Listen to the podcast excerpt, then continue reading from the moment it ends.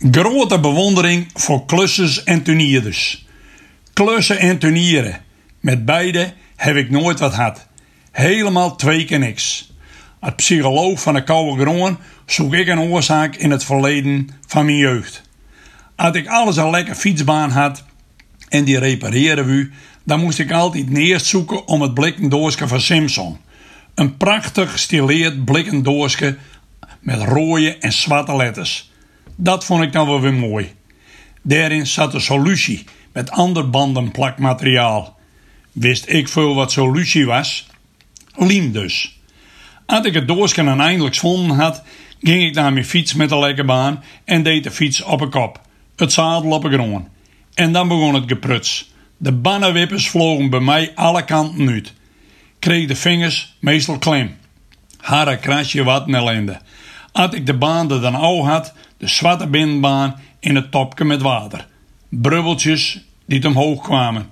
De duim op het gatje plak, drogen laten en skuren met waterproef schuurpapier.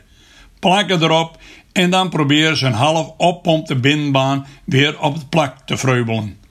Nou, daar bleef het dan meestal bij en nam mijn vader het klusje over omdat het mij niet lukte.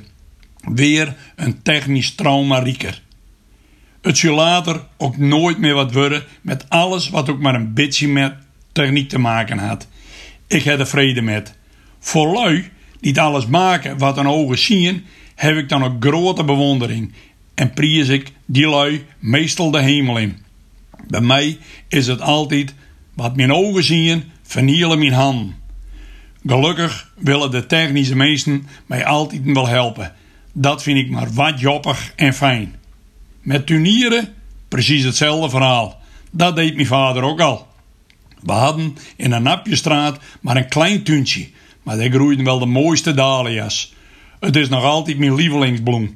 En had ik later mijn laatste ritje doen, mag er wel wat van die kleurige nazomerbloeiers op het deksel van de kist. Het was ook weer een heel ritueel hoe die dahlia's tot volledige bloei kwamen. Meestal gingen die eind mei de grond in. Vooral had mijn vader dan een diepe kuil geraafd, werd hij een week van tevoren de blauwe jeiter uit het putje van achteruit de steeg in deponeerd had. Waarschijnlijk zorgde die blauwe juiter voor humusrijke grond en daar houden dahlia's van. Wij hadden de meest mooie dahlia's in alle kleuren van de regenboog. Als we er dan weer een aantal weken van genoten hadden, ging de dahlia-knol uit grond en verhuisden naar de zolder op een mooi droog plakje.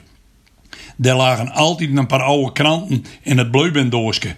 Als het dan weer voorjaar was, mocht ik de knol, knol van zolder halen. Ik las dan eerst even in de kranten van een paar maanden terug.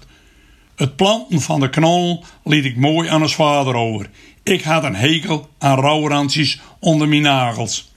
Nee, voor mij was het vroeg duidelijk dat ik mijn brood met boter en wust niet met de handen verdienen zou. Praatje maken en schrijver, dat lag en leidt mij veel beter. Zelfreflectie is mij zeker niet vreemd.